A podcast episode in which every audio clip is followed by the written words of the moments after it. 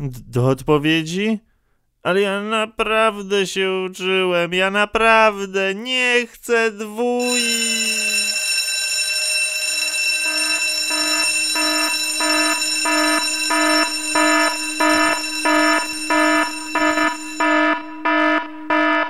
No dobra, już wstaję, wstaję, przestań dzwonić.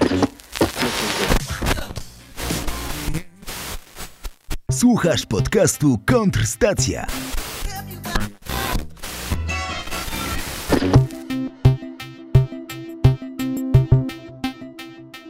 Pierwszy dzień września od lat kojarzył mi się z rocznicą wybuchu II wojny światowej. Nie zawsze tak było, bo przecież ten dzień to także rozpoczęcie roku szkolnego. Przez długie lata przyszło mi jedynie obserwować młodzież udającą się do szkół po ukończeniu wakacji. Cała ta sytuacja trwałaby jeszcze trochę, gdyby nie to, że przyszedł czas na edukację córki. Oczywiście, im bliżej było rozpoczęcia roku szkolnego, tym więcej pojawiało się pytań. Jak to jest w szkole, jakie były mojej żony i moje początki edukacji. I trzeba było odpowiedzieć, wyciągając z pamięci strzępki tego, co miało miejsce wiele, wiele lat temu. Opowieści te z mojej strony ubarwione zostały na wszelkie możliwe sposoby, bo przecież nie tylko nie pamiętam jak to było, ale wspomnień z lat edukacji miłych nie mam. Więc by nie zniechęcić przyszłego ucznia, postanowiłem zwyczajnie kłamać. Od pierwszego dzwonka w tym roku minął już miesiąc i wiem już, że cokolwiek bym nie opowiedział córce, to byłoby to bez znaczenia, bo ta dzisiejsza szkoła jest także dla mnie nowością. Zmieniło się w niej chyba wszystko. Od choćby ciemna i ponura szatnia w podziemiach mojej szkoły, którą pamiętam. Takie otoczone klatki siatką ogrodową z hakami niemal rzeźnickimi, służącymi za wieszaki do której w zimowe popołudnia aż strach było wchodzić. Gdzie dziś, choć to inna miejscowość i szkoła, to jest jasna i kolorowa, z szafkami znanymi z amerykańskich filmów i seriali. Druga rzecz, która mnie uderzyła, to przerwy. Z klas wybiegają rozbrykane dzieci, nad którymi w żaden sposób zapanować nie można i co gorsza, nie zauważyłem nawet, żeby ktoś próbował a niekiedy dzieją się rzeczy, które za moich lat może i by przyszły do głowy, tyle że na naszej przerwie na korytarzu panowała zupełna cisza i słychać było tylko szuranie kapciami po gumuleum.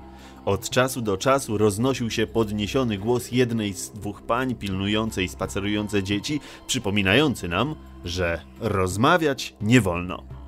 Przerwa rozpoczynała się od dzielenia nas dzieci przez panią w pary i prośbą w tonie rozkazu, aby trzymać się za rękę. Czasem spacerowaliśmy tak z woreczkami na głowie wypełnionymi groszkiem czy piachem, oczywiście w ciszy i w kółko po korytarzu. Taka forma nie ma gimnastyki korekcyjnej. Dziś można na przerwie jeść kanapki, słodycze czy cokolwiek, co przyniosło się ze sobą do szkoły na drugie śniadanie.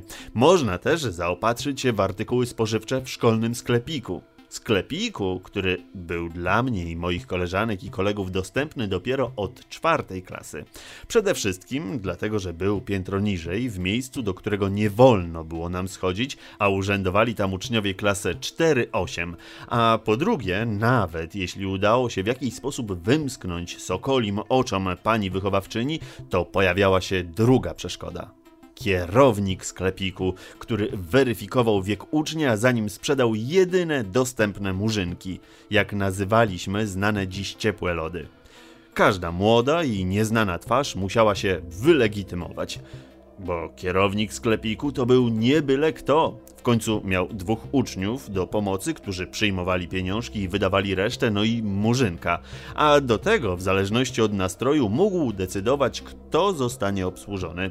Dodam, że zasada była prosta: jedna osoba, jeden murzynek. Więc zanim mogłem sobie pozwolić na ten rarytas w wafelku, to kanapki, które rodzice robili nam do szkoły, jadło się na długiej przerwie w klasie.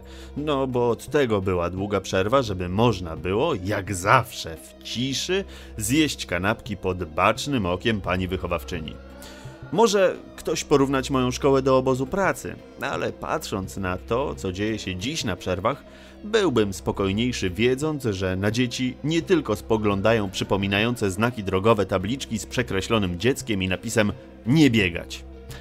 Przypominam sobie w myślach to, czego tak bardzo nie lubiłem, jeśli chodzi o przerwy, kiedy słucham, jak to A ten chłopiec kopał inne dzieci.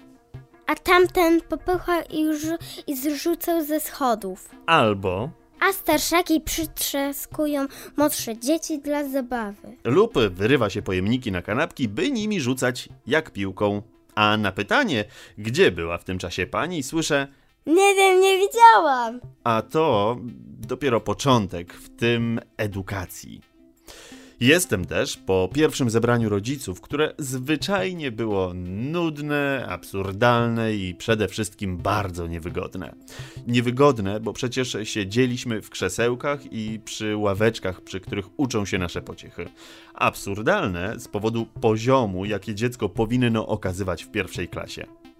Najbardziej przypadły mi do gustu takie zachowania, oceniane najwyżej, czyli na 6 punktów, gdzie dziecko powinno bez problemu interpretować komunikaty meteorologiczne i zastosować się do nich odpowiednio. Powinno też y, umieć liczyć do 20, znać zastosowania matematyczne do tej samej liczby, przeliczać pieniądze i wiedzieć, co to jest dług.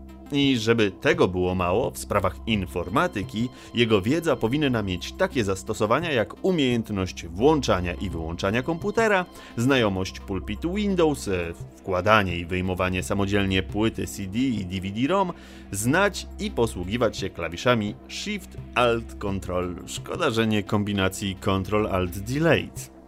By z informatyki w pierwszej klasie zdobyć ocenę celującą, trzeba też sprawnie obsługiwać program Paint. A skoro już jesteśmy przy tym wyrafinowanym programie graficznym, to kolejną rzeczą, które dziecko powinno umieć, to nie tylko samodzielne malowanie i rysowanie, ale i interpretować malarstwo innych osób. Hmm, lista ta była dość długa i w pewnym momencie przestałem tego słuchać, licząc lampy na suficie. Te, które były zapalone w stosunku do tych zgaszonych. Pamiętam, że zapalonych było sześć. A kiedy już policzyłem też inne rzeczy w klasie, w tym rodziców, ile jest matek, a ile ojców, a pani na szczęście skończyła czytać poprzeczkę dla szóstkowiczów i chciała zabrać się za piątkowiczów, Zapytałem grzecznie, czy gdyby były zajęcia z ZPT, to czy dzieci powinny umieć gotować? Niestety, okazało się, że pani nie zna się na żartach i zaczęła odpowiadać jakąś wykładnią na temat zaleceń Ministerstwa Edukacji. Jednak nie pomyliłem się w sprawach kulinarnych, ponieważ jedna z prac domowych, która ostatnio została zadana, to przygotować rodzicom sałatkę warzywną. Nie, żebym nie lubił, ale dopiero teraz pomyślałem, że trzeba sprawdzić te książki ćwiczeń, bo może pod jej koniec jednym z kolejnych zadań będzie przepyszna pieczeń. Druga rzecz, która mnie uderzyła i zaoponowałem, to sprawa zajęć dodatkowych.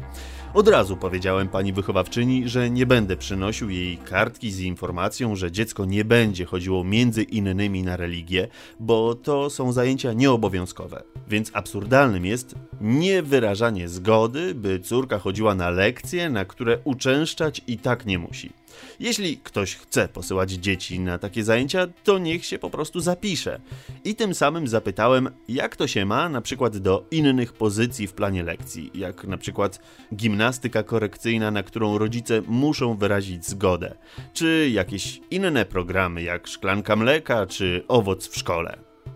Rozumiem, że łatwiej jest mieć kilka karteczek z odmową niż kilkadziesiąt z wyrazami zgody, lecz prędzej mi kaktus na dłoni wyrośnie niż napiszemy takie pismo w sprawie religii czy innych zajęć dodatkowych, które wydłużają niestety czas spędzany w szkole.